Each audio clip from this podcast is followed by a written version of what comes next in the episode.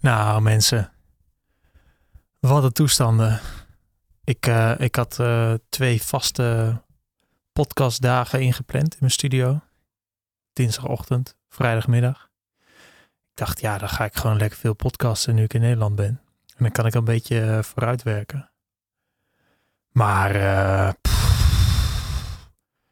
echt tien dagen koorts gehad. What the fuck? Tien dagen. Echt, het begon op maandagochtend loop ik altijd hard. Met uh, Klaas Boomsma. Vriend van de show. En uh, ja, daarna was het, uh, ging naar de tandarts. En daarna voelde ik me best wel verrot. En dat was een maandag. En ja, correlatie is geen causa causaliteit. Maar ik denk dat het andermaal een reden is waarom hardlopen niet goed voor je is. En ja, tien dagen koorts, man. Vrijdag naar de dokter geweest. Die uh, wilde dat ik bloed ging testen voor uh, malaria, want ik was in uh, Borneo geweest. En natuurlijk geen malaria-pillen geslikt. Want ja, ja, je gaat daar knetterhard van eilen en je wordt er ziek van en je krijgt er nachtmerries van. Dus nou, bloed getest, geen malaria. Toen zei de dokter, nou ziek maar even uit. Dat zegt de dokter trouwens altijd, hè. Dus kijk het maar even aan. En nou, laat maandag maar even weten hoe, het, uh, hoe, het, hoe je het weekend bent doorgekomen. Nou, toen ging ik zaterdag helemaal slecht. En uh, die nachtmerries en dat eilen had ik ook echt, dat is echt niet normaal. Maar ik had zo'n koppijn in mijn harses. Koppijn in mijn harses, ja, echt, echt, echt niet normaal. sinds, sinds ongeveer een jaar of zo heb ik ook migraine. Dus dat had ik. Dus zoveel koppijn dat je niet je hoofd neer kan leggen omdat het dan zeer doet. Als je je hoofd op, je, op een kussen legt. Zo kut was het. Maar toen ging ik dus in die toestand, in die ubertje, naar uh, de huisartsenpost. In het ziekenhuis in Amsterdam-Noord. En uh, die heeft nog een test gedaan.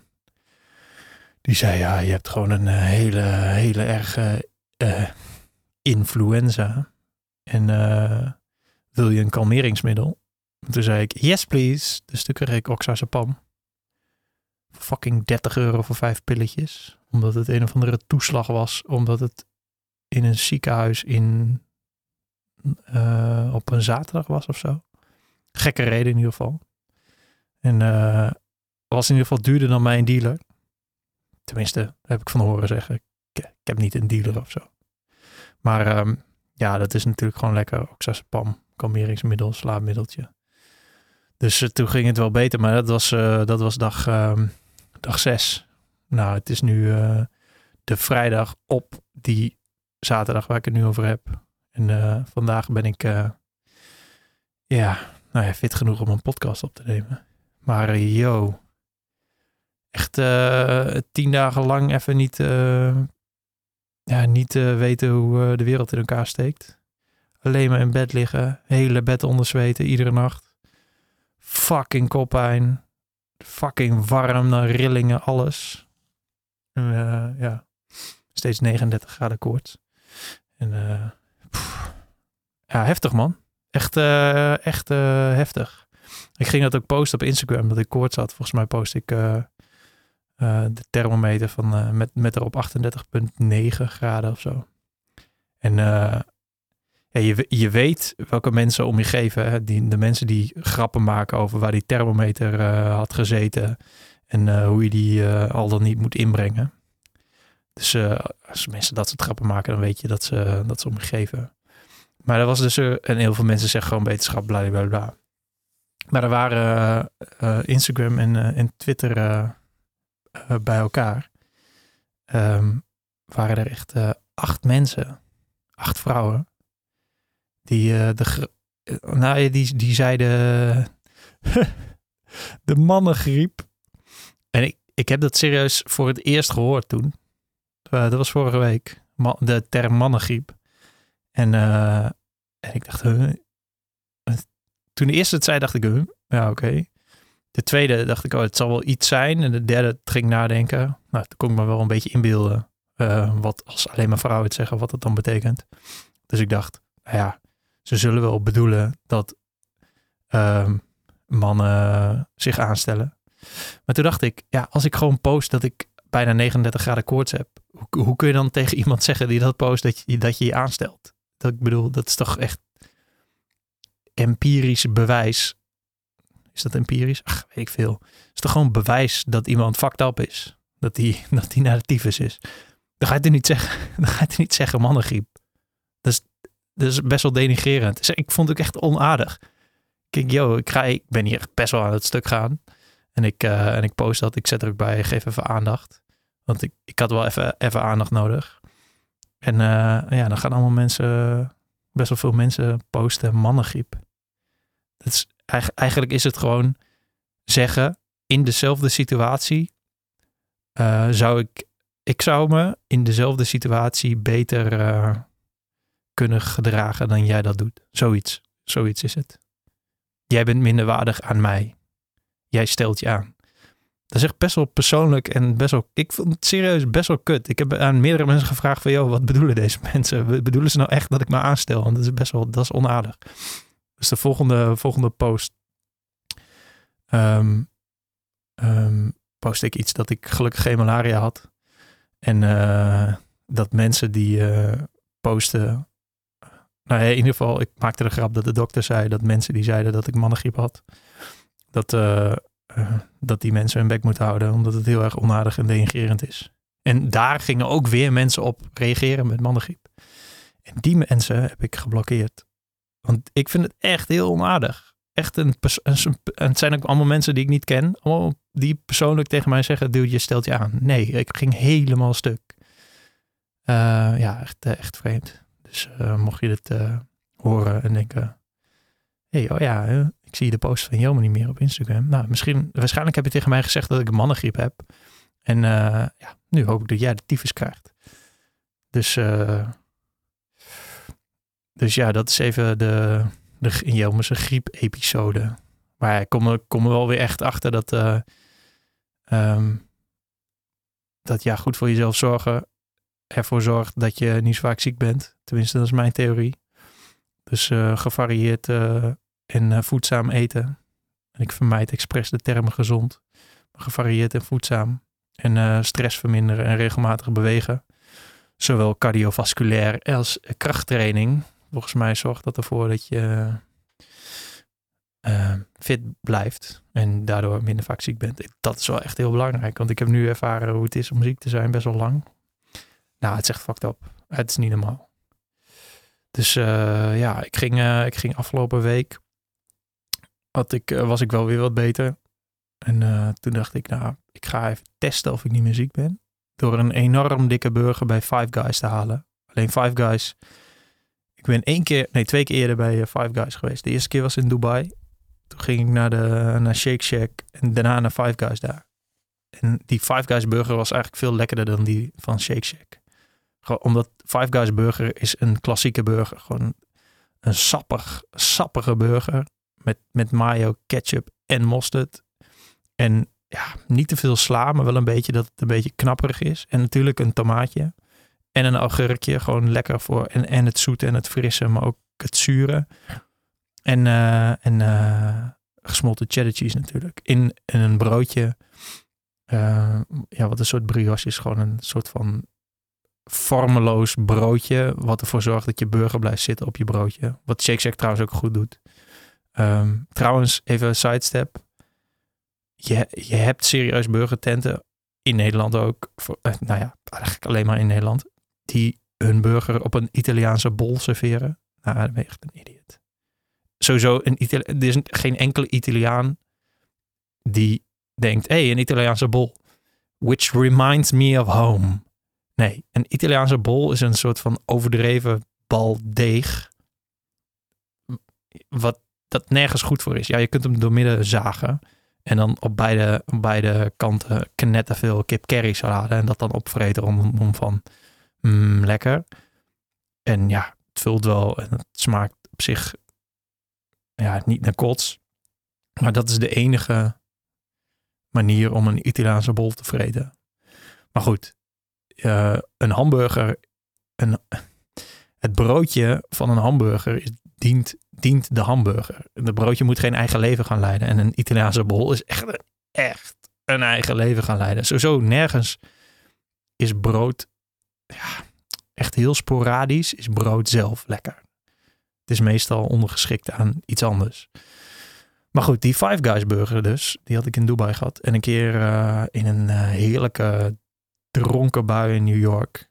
Ubertje gepakt naar Five Guys. En daar dan lekker, zo'n zo'n lekkere dikke burger opvreten. En dan een hele grote cola zero. Goed, ik had, de, ik had zin in zo'n burger. En uh, in Five Guys, de dichtstbijzijnde Five Guys is in Utrecht, op Utrecht Centraal. En ik woon in Amsterdam. Dus ik pakte de trein daar naartoe. Lekker in mijn eentje. Nou, ik vond sowieso treinen al best wel moeilijk. Omdat ik nog een beetje ziek was. En een beetje vergeetachtig. En de hele tijd ja, shit niet snapte. En een beetje overal tegenaan liep. Was echt een mogoltje. En, uh, um, maar goed, ik, ja, ik heb daar, lang verhaal kort, ik heb daar die burger op zitten vreten. Met, uh, ja, ze hebben daar ook zo'n prachtige frisdrankautomaten waar je gewoon alle Coca-Cola branded frisdrank uit kan halen. Dus ik ging voor, voor Cola Zero slash Zero Caffeine vanille. Ja, dat is helemaal top. Dus ik, ja, ik, want ik vind sowieso dat er geen cafeïne hoeft in cola. Uh, of in Cola Zero, maar dat zit er wel in. Dus dat hoeft voor mij niet. Uh, en in die automaat is een van de, een van de weinige plekken waar je, waar je ja, dat gewoon kunt uh, kopen. Dus een burger, die trouwens te duur is bij Five Guys. Volgens mij kost het een tientje of zo. Alleen de hamburger. Het is niet een enorme hamburger. Het is gewoon een prima burger. En uh, zo'n lekkere grote cola. Oh, dat is zo fijn. Zo lekker, jongen. En dan daarna van die kleine boertjes laten waar precies al die smaken in zitten. Nou, het is niet normaal. En, en oh, ja, dat is echt top.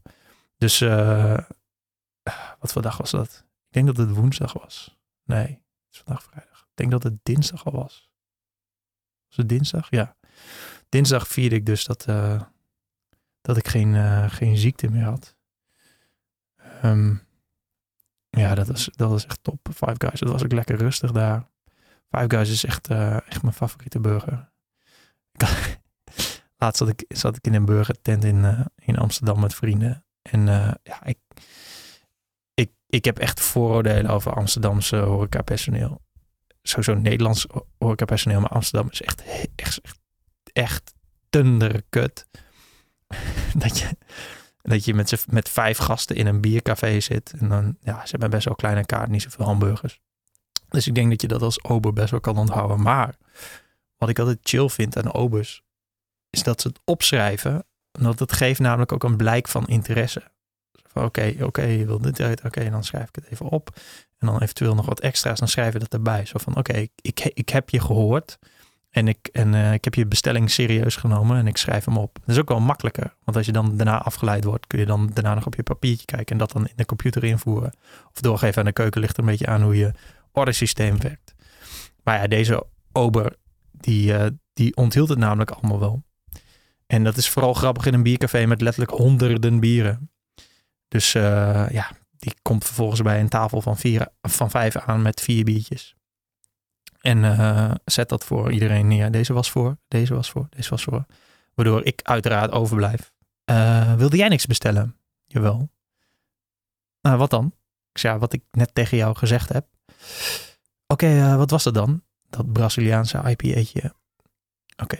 Ja, ik ben dan ook iemand die zegt IPA'tje, maar goed. toen ging ze terug naar de bar. Toen kwam ze weer terug. Ja, ze zijn even vergeten wat je nou had besteld.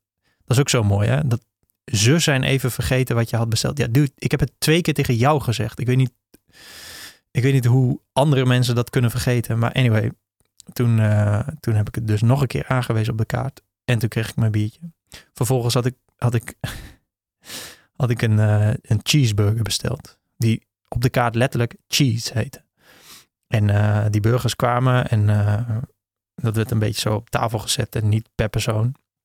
En uh, Hop, een vriend van mij, die zat uh, schuin voor me. Zijn burger, daar, daar, droop de kaas echt af. En die van mij, nou nogal niet. Dus ik zei tegen hem, ik zeg, ik denk dat jij mijn cheeseburger hebt, man. hij zei, nee ja, ik heb eh, die jalapeno burger, daar zat ook kaas op. En toen zag ik inderdaad jalapenos op zijn burger. Toen dacht ik, hm. Toen vroeg ik aan de ober, best wel, eh, eh, hoe zeg je dat? Ingetogen. Nee, dat is niet het goede woord. Nou ja, ik vroeg, ik zeg, ik kan een mis hebben, maar ik had een cheeseburger besteld en ik zie niet echt kaas op deze burger. Ehm, kun je het voor me navragen of het klopt? Toen nam ze die burger zo'n beetje half ingepakt in dat papier waar het in zat weer mee. En toen zei ze tegen de keuken, wat ik kon horen, ja, hij ziet de kaas niet, dus doe er maar een extra plak op. Dacht ik, oké, ja, ik, ja ik, je kunt ook tegen mij zeggen dat er wel kaas op zit, maar ja, dan moet ik, dan moet ik het even zien, want ik zag het niet.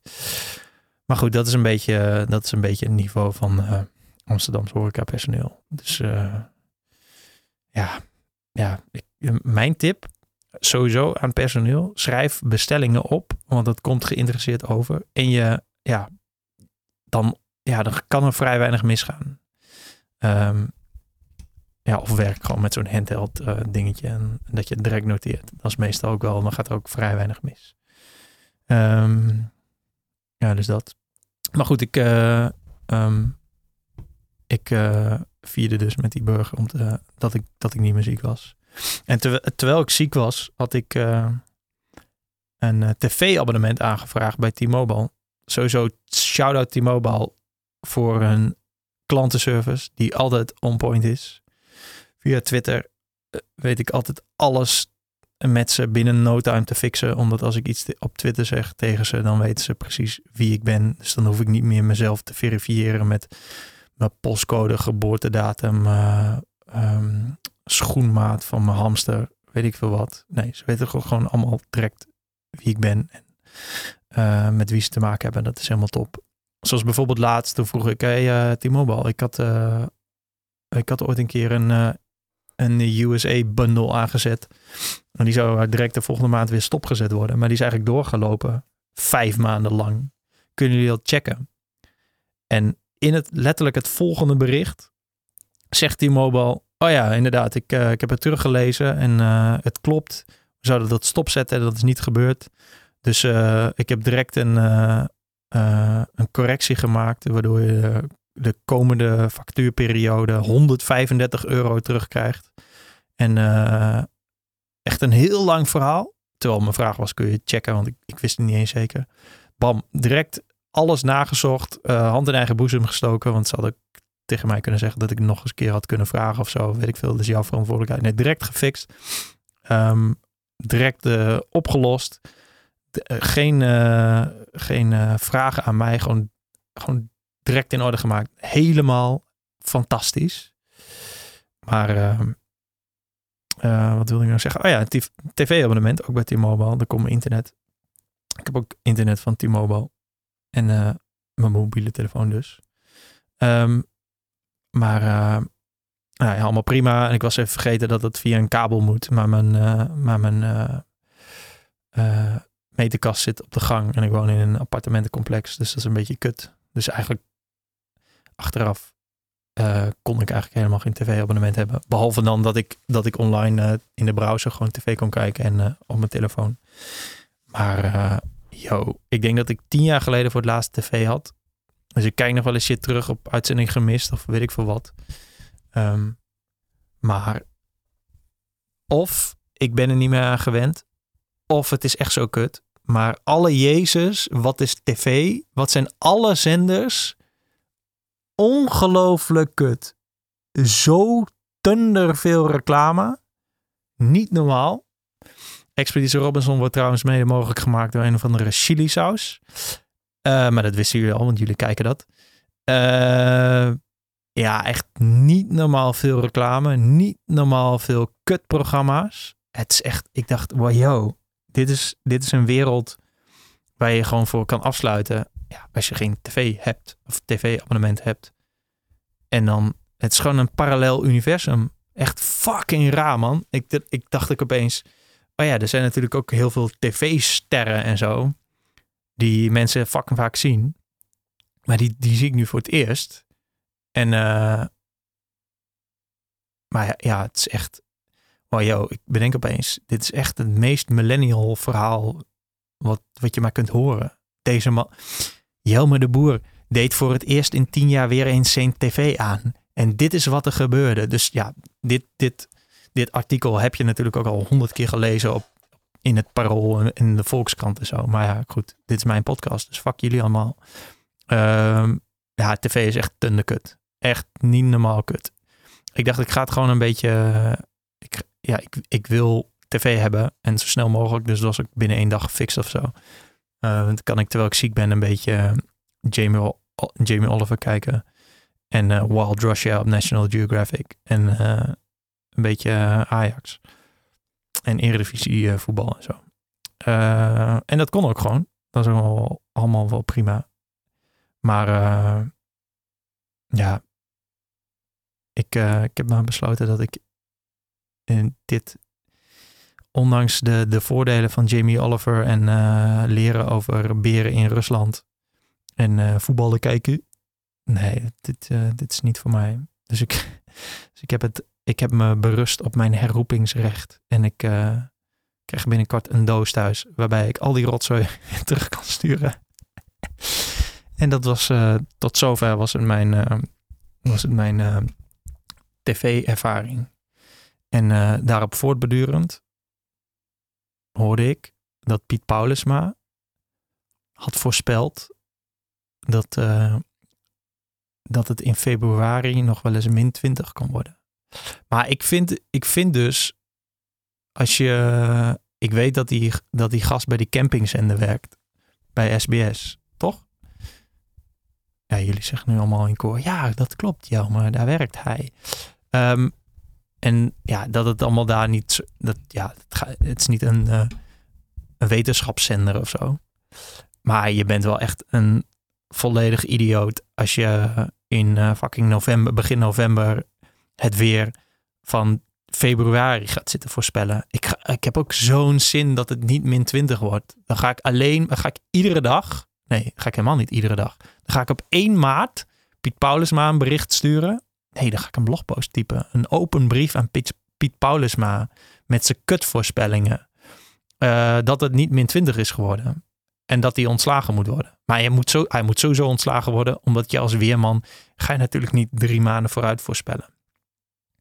Had ook weer had, dingen gezegd over witte kerst en weet ik veel wat. Maar ja, ik, Nassim Taleb vindt, if, you're a if you see a fraud and don't say fraud, you're a fraud. En daarmee is fraud direct een gek woord geworden. Fraudeur. Als je een fraudeur ziet en niet zegt: hey, fraudeur, ben je zelf een fraudeur? Dat vind ik ook wel. Ik vind dit soort, dit soort idioterie moet je wel, je moet het wel callen. En dan zeggen: hey, idioot, je bent een idioot.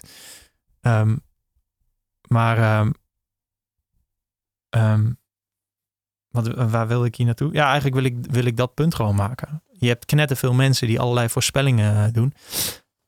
Let, let maar op let maar op. Uh, het, wordt, uh, het wordt in januari wordt het nog hartstikke koud. Let maar op. Eind van de, zo, eind van de winter wordt het nog hartstikke koud. Komt er nog, komt er nog ijs. let maar op, de rayonoven komen dan nog bij elkaar. Ja, dat soort mensen. Je moet eigenlijk gewoon iedere voorspelling die mensen doen. Eigenlijk zou dat mooi zijn, hè? Dat je een, een kalender hebt. Een soort van openbare kalender. Volgens mij is dat ooit een keer gedaan zelfs een openbare kalender. En dat als iemand zoiets roept, dan plak je daar gewoon die persoon. Die, die mensen krijgen een profiel en dan de voorspelling op die datum. En dan kun je gewoon, op een gegeven moment gaat die kalender lopen. En op een gegeven moment kom je er dus, ja, kun je dus iedere dag gewoon een soort van voorspelling van iemand checken. En natuurlijk komt 99% van die voorspellingen niet uit. En dan op een gegeven moment heb je gewoon een score van hoe zo'n enorme debiel iemand is. Want ja, je kunt niet in de toekomst kijken hoe graag je dat ook wil. Ehm, ja, en dan heb je op een gegeven moment heb je gewoon een score. Dus dan als in het vervolg weer iemand iets zegt, dan check je gewoon die website en dan, dan zegt iemand, uh, ja, weet ik veel wat iemand, uh, um, ja, oh ja, laatst iemand, uh, heel, dit is een heel random voorbeeld. Iemand vond dat Iran op het WK van 2000 was het nou EK of WK dit jaar? Het was EK, hè? Het WK van 2024 hoge ogen gaan gooien. Want ja, die hebben een super, super goede jeugdopleiding. Ja, dan moet je gewoon, dan moet je gewoon op die kalender zetten. Sam Plantinga die dat zei. En dan uh, WK 2024. Iran gaat groot hoge ogen gooien. En als dat niet zo is, uh, dan moet je gewoon zeggen dat, ja, uh, Sam, je had zes jaar geleden je bek moeten houden, want dit slaat nergens op. Gewoon dat soort shit. Ja, en dan, dan komt, en dan wordt de wereld een veel betere plek. Als mensen niet zoveel gaan voorspellen. Voorspellingen zijn echt zinloos, man. Waarom zou je dat ook doen? Ja, ik weet wel waarom je het zou doen. Omdat je dan, als het uitkomt, zeg je, ja, zie je wel, heb ik toch gezegd. En als het niet uitkomt, hou je je bek gewoon, want iedereen is het toch al vergeten. Maar goed, uh, dit was, dit was uh, mijn idee. En uh, ik denk dat dat ook wel terugkomt in mijn nieuwe boek uh, Autonomie. Over voorspellingen. En in de toekomst kijken. En doelen stellen. En plannen maken. En zo. Dat heeft allemaal met elkaar te maken. ik ben van mening dat je, ja, aangezien je niet in de toekomst kan kijken, waarom, dan is het dus ook vrij onzinnig om allerlei plannen te maken. Want grote kans dat ze niet uitkomen. En dan krijg je alleen maar stress van. Dus dat. Over boeken gesproken. Mensen. Heugelijk nieuws. Thuisblijven is duurder. Eerste druk. Uitverkocht. Ja. Terwijl ik uh, ziek was, is, uh, is die uh, gewoon helemaal op. Hij was zelfs zo op dat ik heb ergens een, nou ja, ik had ergens een voorraad liggen. Ik zie nou echt in mijn hoofd dat er een, een, hele grote stelling is met erop twee pallets waar een beetje zo scheef zo'n zo'n uh, zo'n uh, kartonnen vel een beetje zo half nu oplicht. En een soort van plastic rommeltje. Omdat mijn boeken op zijn. Maar goed, in een, in een soort warehouse lagen mijn boeken. En die werden uitgeleverd door een partij SnapX. SnapX. die mijn webshop beheert. En het was zelfs zo erg dat die, dat die voorraad, die was dus zeg je dat de voorraad op is? Ja, de voorraad was op. En er was nog een bestelling. Dus dan moest ik, toen moest ik zelf eventjes een... Ik had er nog een paar boeken thuis liggen. Toen moest ik zelf eventjes een uh, envelopje voorzien van wat postzegels. En het adres erop schrijven en naar de brievenbus lopen. En mijn laatste, laatste boek van druk 1 op de post doen. Maar ja, ik vind het te mooi. Ik heb in eind juli of eind juni, weet het niet eens meer. 2017 heb ik besloten dat ik een boek ging maken. En het is nu begin november 2018. En er zijn er 2500 zijn er verkocht. Gewoon fysieke boeken. En ook nog uh, iets meer dan ja, bijna duizend e-books. Uh, dus ja, bijna 3500 boeken van de eerste druk. Ja, ik vind het helemaal mooi. Dus ik ben wel uh, enthousiast. Alleen het punt is, uh, en ik, hoorde laatst in de podcast van Guy Droog, die zei, ik bewaar mijn enthousiasme. En dat is echt, dat is echt ook een van mijn eigenschappen. Ik denk dan altijd van, ja, dit is wel fucking mooi. Maar het boek is nu op en is geen nieuwe versie. Dus mensen kunnen het nu niet kopen. En ja, moet jullie ook teleurstellen, want als je het bijvoorbeeld aan de Sint had gevraagd, voor Sinterklaas, ja, dan, ja, dan moet je zoeken of iemand een tweedehands wil aanbieden. Want hij gaat er echt niet uh, voor 5 december gaat niet de tweede druk zijn. En uh, dat, is, ja, dat ligt gewoon aan dat ik en uh, ziek was, dus er niet aan kon werken. Ik had wel in die periode dat ik ziek was in mijn agenda staan aan de tweede druk werken. Maar ja, en omdat ik gewoon niet goed kan plannen. Want ik, ja, ik hield wel bij hoe, hoe snel de verkopen gingen. Maar ja, ik had niet zo goed gepland dat ik, dat ik een nieuwe druk had klaar liggen. Terwijl de uh, oude uitverkocht. Dus het nieuwe, nieuwe idee is nu dat het uh, eh, 20 december dat de nieuwe druk er is. En tot die tijd dat je kunt pre-orderen. 5 euro korting. De nieuwe druk wordt ook gewoon 30 euro. Pre-order met 25, voor 25 euro. En uh, die pre-order heb ik 5 euro goedkoper gemaakt. Eerlijk gezegd omdat ik funding nodig heb om die eh, tweede druk te maken. Dus dan, uh, ja, ik heb gewoon geen geld om een tweede druk te maken. Dus dat moet gewoon um, gevoorfinancierd worden door pre-orders. Zo simpel is het gewoon. En zo eerlijk is het ook wel gewoon. Uh, maar die tweede druk wordt een paperback, geen hardcover meer. Een kleiner formaat, maar wel meer pagina's. Dus het wordt een pocket. volgens mij is het officieel een pocket. Maar het is. Ja, ik ga het voor mij niet zeggen, want ik zeg het sowieso verkeerd. Ik heb geen idee. Het is iets kleiner dan de vorige. Met uh, maar liefst 100 pagina's nieuw materiaal. En um, ja, vooral over hoe je uh, punten kunt sparen met je vliegtickets. Dus als je vliegt, hoe je dan uh, bij frequent flyer programma's je miles kunt uh, sparen. En hoe je die kunt optimaliseren. Dus eigenlijk hoe je die het allerbest kunt inzetten voor het uh, boeken van nieuwe vluchten. Dus hoe kun je zoveel mogelijk sparen met een vlucht?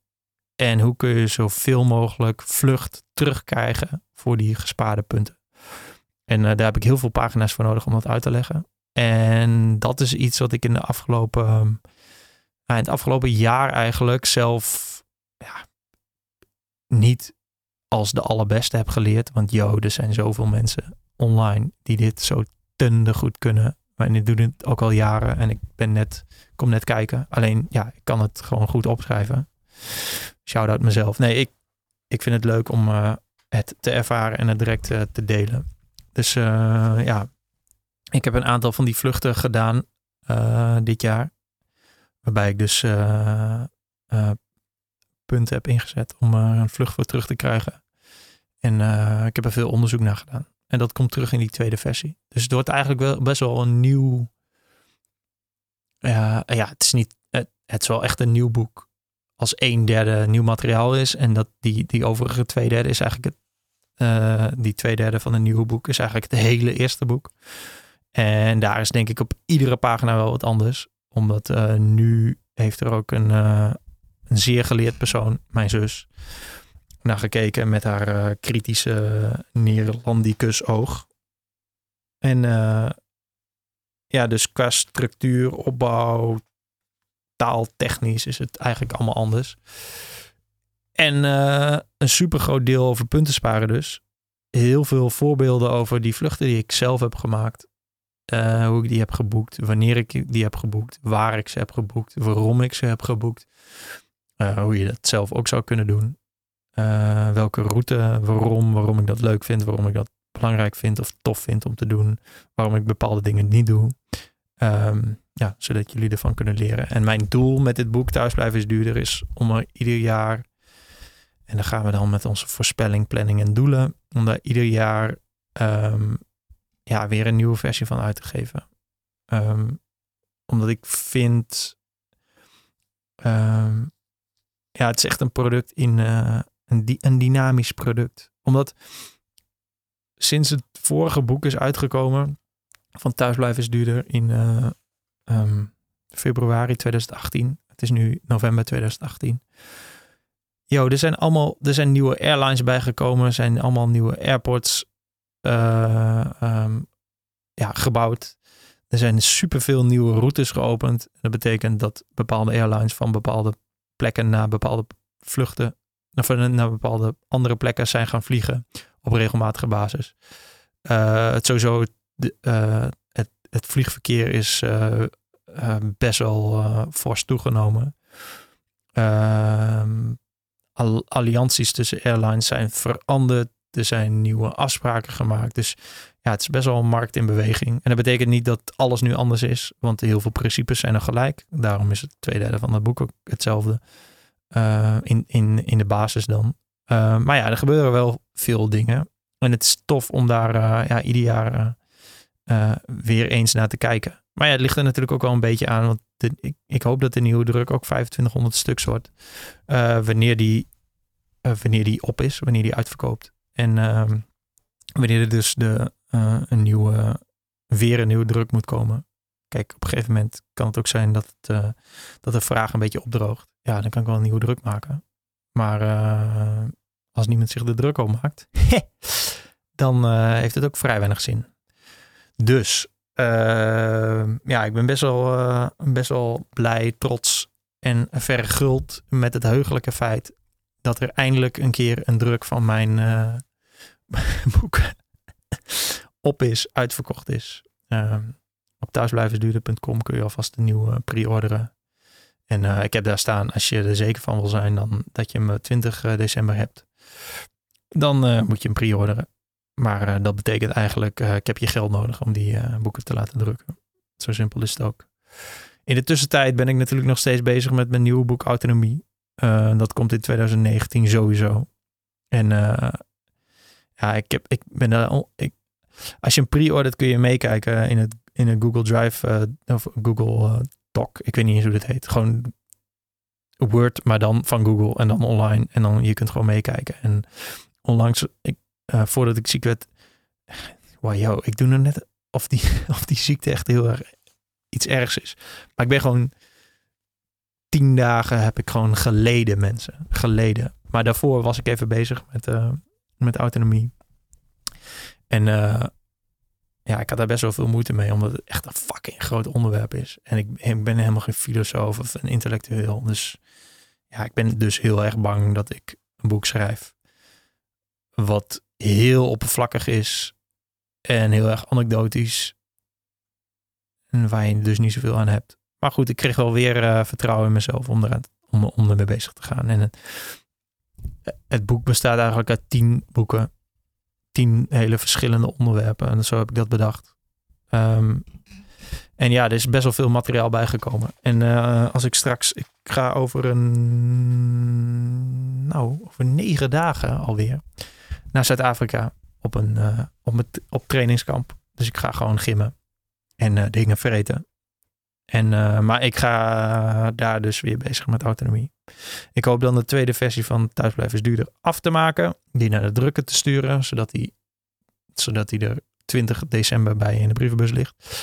En dan als ik die heb opgestuurd ga ik naar Kaapstad. En dan ga ik daar uh, weer verder met autonomie. Dus uh, ja, lach me vooral uit. Omdat ik nu weer in de afgelopen minuut dat ik aan het lullen ben. Alleen maar voorspelling heb gedaan over wat ik ga doen en wanneer ik dat ga doen.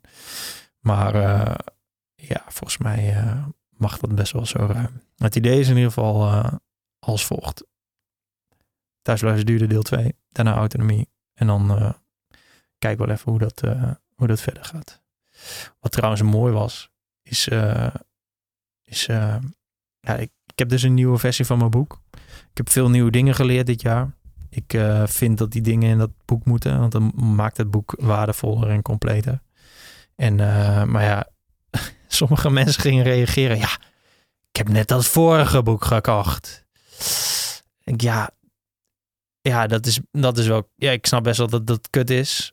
Maar uh, ja, dit is what happens. Op een gegeven moment komt er een nieuwe versie. En het is ook natuurlijk niet zo dat ik. Kijk, um, het is eigenlijk best wel een zegen dat het nu even een maand geen boek is. Omdat dan Kijk, als het nou van de ene op de andere dag was, dan snapte ik dat mensen nog best wel dat kut zouden vinden. En dan nog was er wel een mouw aan te passen. En, um, maar nu zit er een maand tussen. Maar dan nog zeiden mensen, ja, ik heb net, ik heb net die oude gekocht. En dan, wat, ik, ik ging toen denken, wat, maar wat is, dat, wat is eigenlijk het alternatief dan? Dan zou ik dan nooit een nieuwe versie kunnen maken? Omdat, ja, er zijn altijd mensen die net de oude hebben. Dus dan mag ik eigenlijk niet uh, dan mag ik eigenlijk nooit een nieuwe versie maken. Omdat, um, ja, er staat altijd iets nieuws in. Dus het is altijd anders dan de vorige. Uh, daarmee stel ik bepaalde kopers teleur, misschien wel. En dan, ja, dan, uh, oh. Hoe, hoe, moet ik, hoe moet ik dit dan oplossen? En er waren natuurlijk ook mensen die het vorige boek hadden gekocht. En uh, zeg maar het verschil tussen het ene en het andere boek. Um, um, eigenlijk wilde, zeg maar, de, de, het nieuwe deel als los addendum wilde kopen. Omdat ze het eerste boek al hadden. En dan eigenlijk het verschil, zeg maar, naar rato uh, wilde betalen. Dus iemand, iemand op Twitter stelde voor. Ja, maar dan wil ik uh, die, uh, die nieuwe 100 pagina's voor 7 euro. Uh, wel als gewoon extra. En toen viel iemand hem bij. zei ja, dat uh, vond ik eigenlijk ook wel een goed idee. Maar dat is. Maar, en uh, reageer gerust als je het anders ziet hoor. Um, ik ben er echt heel erg benieuwd naar. Maar dat is toch echt heel erg raar. Ik bedoel, als, jij een nieuwe, als er een nieuwe FIFA op de markt komt. Ja, het is nog steeds een spel waarbij je als voetbalteam tegen iemand anders speelt. Het lijkt knetterveel op het vorige. Maar eh, de spelerswaarden zijn aangepast. En de graphics zijn waarschijnlijk beter. En de muziek is anders. Uh, en misschien zijn er wat nieuwe functies aan toegevoegd. Maar er is ook toch ook een, zeg maar gewoon de basis is hetzelfde. En er komt iets bij, waardoor het een nieuw, een nieuw spel is. Dan kun je toch ook nooit uh, betalen voor dat updateje. Terwijl dat juist heel makkelijk lijkt te zijn. Want dat is gewoon dat software. Dus dat zou je gewoon kunnen downloaden. In dit geval is het een, ja, echt een hele nieuwe versie van een boek. En ja, dat heb je toch ook bij meerdere boeken, waarbij een nieuwe uitgave komt. is toch, en ik snap, ik snap dat het uh, chill is dat je direct met de auteur kunt praten. In uh, mijn geval, daar kom ik straks nog wel op. Um, dus ja, misschien is het daarom hoor dat mensen uh, zoiets hebben van ja, even, even onderhandelen met, degene, met, met de baas, met degene die je direct kan fixen. Um, ja, maar dat, het is toch heel raar om zoiets, uh, om zoiets te vragen. Bovendien, ja, ik, kan nooit, ik kan nooit een boek maken voor 7 euro. Wat ik naar mensen stuur die het eerdere boek al hebben.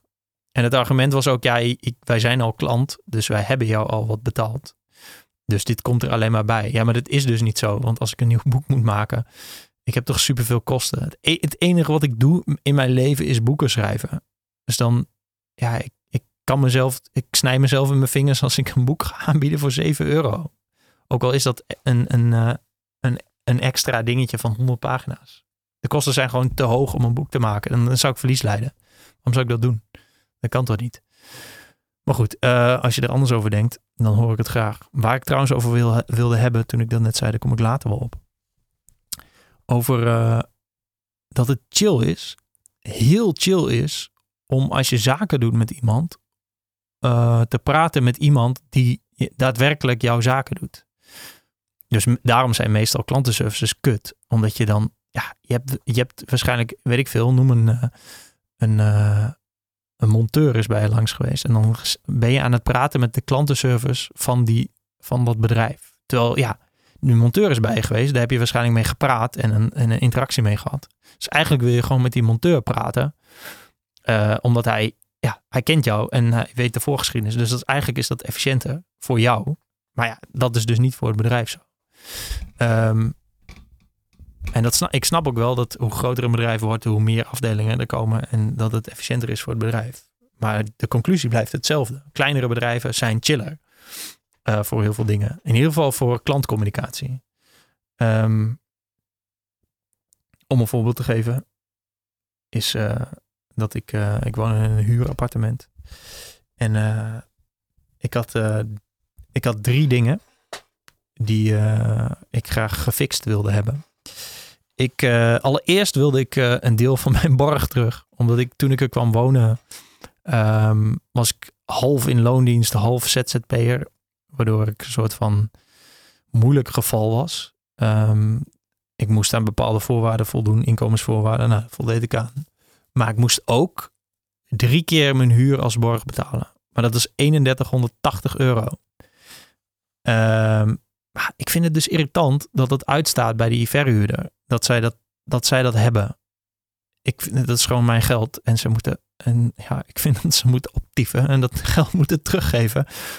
Um, ik heb daar niet echt goede reden voor. Behalve dat ik het irritant vind. En volgens mij is er een soort van regel of een coulance iets. Dat als je ergens twee jaar woont en gewoon netjes je huur betaalt. Dat je dan uh, uh, als je veel uh, borgen betaalt, dat je dat dan terugkrijgt. Maar goed, daar mailde ik voor.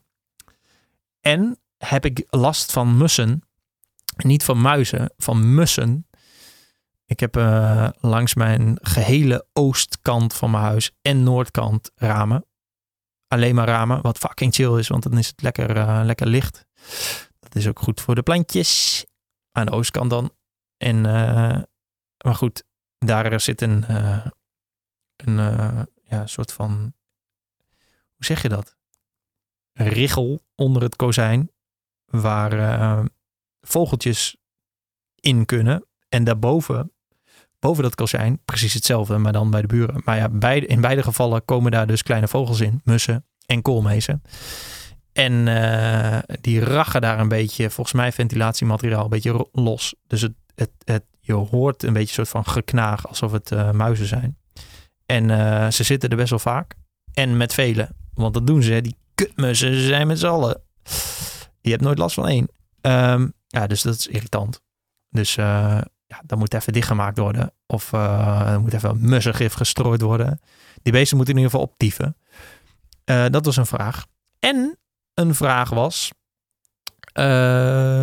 dat er in mijn gangkast daar lopen, loopt een aantal leidingen. Daar komt mijn vloerverwarming ding binnen. En daarboven, ja, ik weet niet wat voor soort van afzuiginstallatiesysteem. Volgens mij centraal um, van mijn huis wordt via daar, zeg maar, de, um, ja, de rest van het complex ingeblazen. Zoiets volgens mij. Maar ik weet het niet zeker. Want ja, ik ben toch geen fucking loodgieter. Uh, anyway, daar komt dus een enorme rioollucht uit. En uh, dat is best wel raar. Alsof er een dode bunzing in ligt te rotten.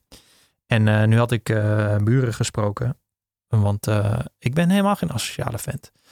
En die hadden hetzelfde probleem. Die woonden overigens uh, een verdieping lager en een paar huizen verderop. Dus ja, het lijkt dus een centraal iets te zijn. En dat had ik allemaal in één mail naar mijn uh, verhuurder gemaild. Nee, via één formulier, want er moest via een formulier. Waarop ik een mail terugkrijg. ja, de borgen heb ik uitgezet bij de accountmanager. En de andere heb ik uh, uitgezet bij, de verantwoordelijke, uh, klussenbedrijf, bij het verantwoordelijke klussenbedrijf. En die verantwoordelijke klussenbedrijven, wat zij doen, is zij krijgen dus een mail of een opdracht. Um, en ze gaan dan uh, je bellen. Terwijl ik juist in het formulier, ja, er is een formulier om iets te melden met een heel lang verhaal. En dan kun je lekker veel tekst kwijt, omdat je dan precies je probleem kunt uitleggen. Dat is wat makkelijker om dat lekker gewoon uh, in tekst te doen. Want dan kun je het nog eens terugvinden. Uh, maar wat zij doen is jou bellen en als je niet belt, jou een brief sturen dat je je telefoon niet opneemt. In plaats van even mailen uh, wat het probleem is. Wat chill is, omdat je, nou ja, wat ik net al zei, omdat je dan je probleem eventjes op papier hebt en dan kun je het terugvinden. Uh, maar dat doet dus de loodgieter, degene die de vogels wil doodmaken. Nou, niet echt natuurlijk, maar wil zorgen dat het vogelprobleem is opgelost. ja, dat doen ze eigenlijk allemaal. Um, ik weet niet wat mijn punt is. Mijn punt is eigenlijk, is eigenlijk waarom, waarom de vak bellen dit soort mensen als je gewoon je melding via e-mail doet. dat is eigenlijk mijn punt. En het is, en het is, oh ja, ik weet wel wat mijn punt is, want ik heb net op mijn notities gekeken die mij hier voor mij in het scherm staan. Dus mijn punt is, is dat als ik een mail stuur naar. Uh, uh, nee, ik word gebeld, maar ik, ik neem mijn telefoon niet op, want ik, ik wil niet bellen. Uh, want ik kan niet praten. En, um, en als ik dan een, dan krijg ik een kaart in mijn brievenbus dat, er, dat ze hebben gebeld. En of ik dan even terug wil bellen of e-mailen. Waarop ik mail, omdat ik dan het probleem kan mailen en dan kan ik het terugvinden. Zoals ik net al, al twee keer zei en nu voor de derde keer zeg. Met mijn probleem. En daarop krijg ik weer een mail. Ja, wij hebben u al op 2 november uh, ge, uh, gebeld en uw voicemail ingesproken. gelieve hierop te reageren. Zo werken klantenservices dus. Die doen gewoon ja, ticket, die doen gewoon tickets afhandelen en lomp tegen hun klanten. Terwijl, ja, ik weet niet, ik weet niet wat de oplossing is. De oplossing is denk ik. Um, ik weet niet wat de oplossing is. Nou anyway. Uh, ik uh, moet denk ik maar gewoon uh, bellen met die mensen. Die, de mensen die zeggen: die zeggen dat je kunt mailen voor een afspraak, maar vervolgens gaan bellen en dan een post gaan sturen. Dat is wat zij doen. Het zijn echt. Goed, oké. Laten we concluderen dat ik de debiel ben. Ik pak de telefoon wel en ik heb het de volgende podcast wel over hoe het ging. Uh, de conclusie is gewoon dat grote bedrijven kut zijn. En als je. Um, het zou chiller zijn als je gewoon. Als er meer kleinere bedrijven waren. Want, beste mensen. grote bedrijven die zullen er alles aan doen om zeg maar een deel van het geld wat jij toch al uitgeeft proberen te pakken. En dan uh, vervolgens uh, heel stoer gaan doen over werkgelegenheid. Ja, dat is wat, dat is wat in, in essentie is dat wat grote bedrijven doen.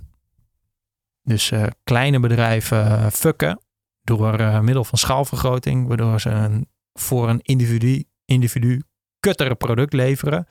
En dan stoer gaan doen over hoeveel banen ze hebben gecreëerd. Dat is wat ze doen. Ehm ja, ik vind het niet zo'n mooi einde van deze podcast, man. Ik heb nog wat losse notities staan. Dan wil ik, het, ik, wil, ik wil het nog over een aantal dingen hebben. Namelijk um, ochtendrituelen. Ik kreeg een uh, mail van een, uh, een radioprogramma. En uh, um, of ik in een uitzending wilde komen, komen praten om tien over zeven ochtends een ontbijtuitzending. Over praten over mijn ochtendritueel. Want ja, dat was misschien wel leuk voor de kijkers. Alleen, sowieso lig ik om tien over zeven nog lekker te pitten. Dus ik kan helemaal niet. Um, en is mijn ochtendritueel op dit moment, want het verschilt nog wel eens, op dit moment tot een uurtje of 8 uur 42. Dat is ook gemiddeld waarop ik voor het eerst uh, door heb hoe laat het is, in mijn bed liggen. Dan hopen dat Jenny, mijn vriendin, een kopje koffie voor me zet. En uh, dat ook kon brengen, zodat ik dat even lekker kan opdrinken. En als het niet gebeurt, ja, dan, dan rol ik zelf uit mijn bed. En dan uh, zet ik het zelf wel. Ik ben natuurlijk ook de beroerdste niet. En uh, dan ga ik een beetje computeren. Dat is mijn ochtendritueel. En als ik dan een beetje honger krijg, rond eh, 11 uur of zo. Dan maak ik een schaaltje, als ik het heb, halfvolle kwark. En dan pleur ik een beetje zoetstof in. Dat is, dat zo lekker, jongen. Halfvolle kwark. En dan zo, beetje zoetstof. Is, is het dus en een beetje romig, want ja, 2, 3, 4 procent vet. En een beetje zoet, maar niet de calorieën van de suiker. Dus dat is chill. Mennel kwark kun je bij de Jumbo kopen en ook bij de Dirk van der Broek is dus zo'n lekkere halfvolle kwark. Stop, stop. En uh, meestal doe ik daar uh, wat fruit bij. En uh, um, ja, of wat uh, muesli of zo. En dat vreet ik dan op voor de computer. en ehm, daarna, en, meestal kijk ik dan wel gewoon de Daily Show of zo. Gewoon een, een kort filmpje. En dan, en dan daarna denk ik, nou, kan ook wel even gaan douchen. En uh, mijn tanden poetsen. Ja, dat is zo'n beetje mijn ochtendritueel. Dus ja, ik denk, niet, ik denk niet dat mensen daar veel aan hebben als ze dat horen op de uh, luisteren op de, op de radio. Dus uh, en sowieso, en als jullie de podcast van Guy luisteren, hij heeft het er ook al over gehad. Sowieso, hoezo moet iedereen een ochtendritueel hebben dan? Ik bedoel, ja, wat, wat ze mis met opstaan, wat vreten, douchen, tanden poetsen en naar je werk gaan. Wat, uh, hoezo moet iedereen mediteren, kruiden, thee, zelfgezette koffie? Trouwens, ik kijk, ik kijk op YouTube, kijk ik Peaceful, Peaceful Cuisine ehm, van een Japanse dude. Ah, die heeft zo'n mooi koffiezetapparaat. Maar dat is, het is ook zo'n baas, hè ik had ik, mijn, mijn voorlopige conclusie tussen Japans, Japanse cultuur en Amerikaanse cultuur is echt, het is echt heel plat. Uh, Amerikaans is zoveel en zo goedkoop mogelijk. Dus ja, eigenlijk de definitie van troep.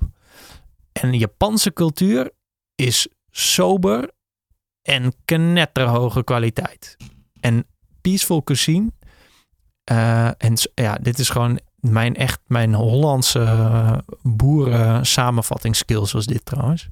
Maar daar komt het op neer. En, en Peaceful Cuisine, deze gozer, ja, het is wel een vegan, dus hij maakt allemaal van die enorme gore vegan scones en weet ik veel wat voor troep die allemaal maakt. Alleen de manier waarop hij het doet is zo te mooi, want hij heeft, hij heeft fucking nou ja, lijkt in ieder geval knetter uh, hoge kwaliteit ehm, van die uh, keukenspullen en uh, ingrediënten. En dan zegt hij altijd, nou, ik heb verschillende getest. En dit is echt mijn favoriet. En dan gaat hij dan zo'n heel verhaal over houden. En het zal ongetwijfeld gedeeltelijk gesponsord zijn, maar dat boeit allemaal niet. Um, maar zo, zo benadert hij zeg maar zijn recepten die hij maakt.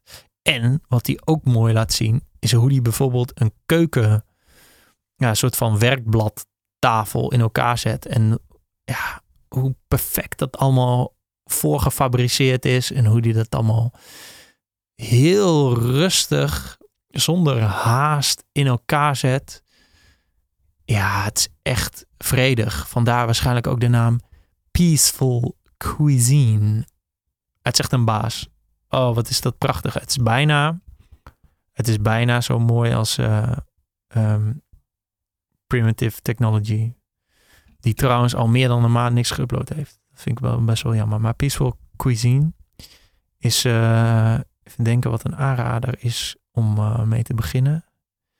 Uh, ja, weet ik veel. Een um, iced latte maakt hij volgens mij. Ik weet niet hoe het, of het echt zo heet.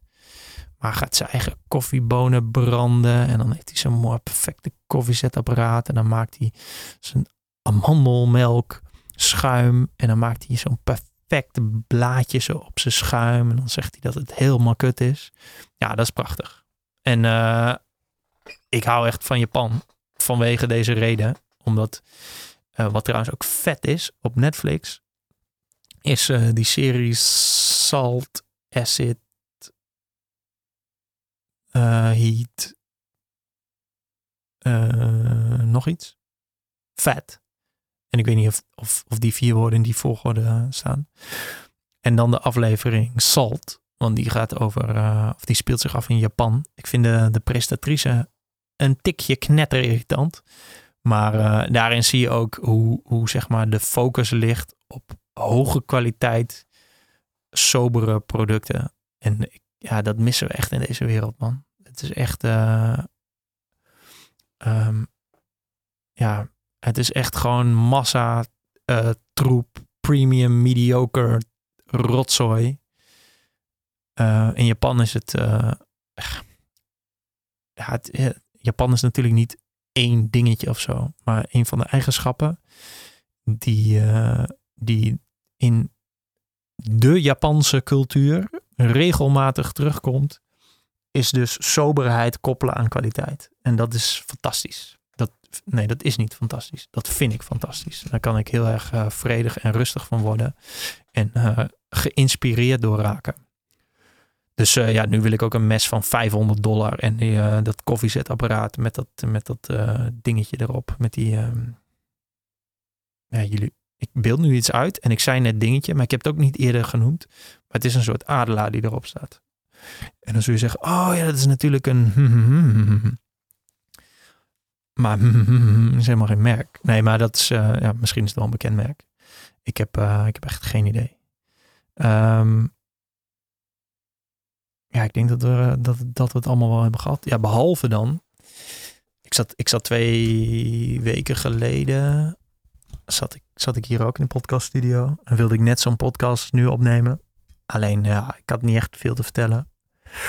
Dus het, het werd hem niet echt. Maar toen heb ik dus uh, geprobeerd een stuk op te nemen over de FIFA 400 verkiezing. Uh, ik ga het gewoon weer proberen. En uh, nou, misschien, misschien dat het nu wel wordt. Maar de FIFA 400 verkiezing is een verkiezing um, tussen vrouwen in verschillende categorieën. Um, en dan, ja, op de website staat dus niet echt waarom deze verkiezing er is. Het is me niet heel erg duidelijk. Wat op de website wel staat, is uh, negen keer een advertentie voor een Renault. Een, dus ja, ik vermoed dat het gesponsord wordt door Renault. En ik denk dat Renault ook graag wil uitstralen dat succesvolle vrouwen Renault rijden.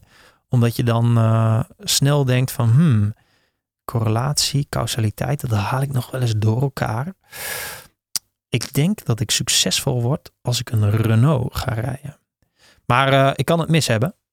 Uh, het kan ook iets anders zijn. Anyway, de FIFA 400 verkiezing, dat zijn dus 400 vrouwen verdeeld over verschillende categorieën waarop je kunt stemmen, omdat ze dan, ja, weet ik veel, in het zonnetje gezet worden omdat ze zo'n baas zijn. Zoiets, denk ik. Alleen het, het irritante natuurlijk is, is dat zo'n iets goeds ehm, bepaalde mensen extra aandacht geven. Bijvoorbeeld als ze iets tofs doen of iets goeds voor de maatschappij. Uh, dat het natuurlijk, het gaat eigenlijk helemaal niet om die mensen in dat zonnetje zetten. Waar het om gaat, is dat uh, FIFA knetterveel page views krijgt. Zo, dat sprak ik eventjes uit als uh, tante Gerry. Page views. Page views. Pagina weergaven. Dat, dat FIFA.nl superveel pagina weergaven krijgt.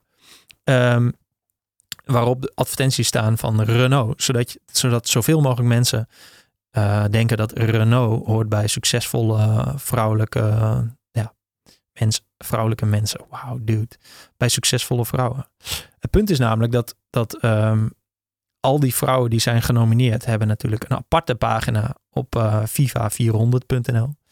Um, wat FIFA graag wil is dat als je genomineerd bent, dat jij jouw volgers, fans, vrienden, familie, weet ik veel wie, oproept om uh, te gaan stemmen. Maar ja, dat moet, dat moet natuurlijk wel op een pagina uh, van de FIFA met erop een advertentie. Dus ja, het, het, ja, het is een hartstikke nobel streven, mensen, maar uh, nee, nou, nee, helemaal niet. Het is gewoon super kut eigenlijk. De FIFA 400 verkiezing is echt, echt super kut. Je moet daar sowieso niet aan meedoen. Je moet ook, als je genomineerd bent, zeggen: ja, krijg lekker de tyfus. Met je, want als je dit echt vond, dan werd het niet gesponsord door Renault. En uh, uh, stonden er geen advertenties op. Dan was het gewoon uh, um, ja, best wel sober. Um, ja, dus de, en, en dit soort dingen zijn er heel vaak. Dat er gewoon dat de advertenties, of advertenties, dat de verkiezingen worden uitgeschreven. Die eigenlijk niks anders doen dan aandacht geven aan degene die um, de verkiezing organiseert. Uh, en of de hoofdadverteerder. En ik zei hoofd tussen haakjes. Misschien hoorde je dat wel. Uh, dus de, de verkiezingbedenker en de hoofdadverteerder. Hoor je het? Um, dat is eigenlijk waarom die verkiezingen zijn. Niet, niet omdat iemand, iemand een uh, baas is. Ja, natuurlijk wordt die op het podium geroepen en krijgt hij een bos bloemen en een paar foto's. En wordt er een of andere BN'er um, ingehuurd om dat hele, dat hele avondje aan elkaar te praten. Uh, natuurlijk. En dan kun je dat, dat weer posten op social media. En dan wel even FIFA 400 taggen. Maar ja, in essentie, ja, het gaat natuurlijk nergens over. Ik, ik snap wel dat het gebeurt. Want ja, mensen vinden het natuurlijk helemaal cool om een award te winnen. Maar eigenlijk, en dat komt ook in mijn nieuwe boek Autonomie, moet je natuurlijk zeggen, ja, krijg lekker de tyfus en uh, haal me alsjeblieft van die website af. Uh, want ik wil helemaal niet geassocieerd worden met, uh, met, met FIFA 400 en of Renault. Opgedonderd. Nou, uh, en daarmee, met dit advies, wil ik graag deze podcast afsluiten. Want nu zijn we weer lekker geïrriteerd. En kunnen we zo lekker het weekend in. Schoppen we straks nog even een paar irritante kuttoeristen van het fietspad. Dan tuffen we daarna um, iemand voor zijn bek. En dan, uh, ja, dan zit het ook weer snor, toch? Nou, mooi. Uh, trouwens, als je mij een DM stuurt met... Uh, hey Jelmer, mijn Strelitzia reginae heeft wolluis. Heb je misschien tips? Misschien kun je dan googlen wolluis. En dan is het eerste zoekresultaat een wolluis spray. Oké, okay, groetjes, prettig weekend, doei.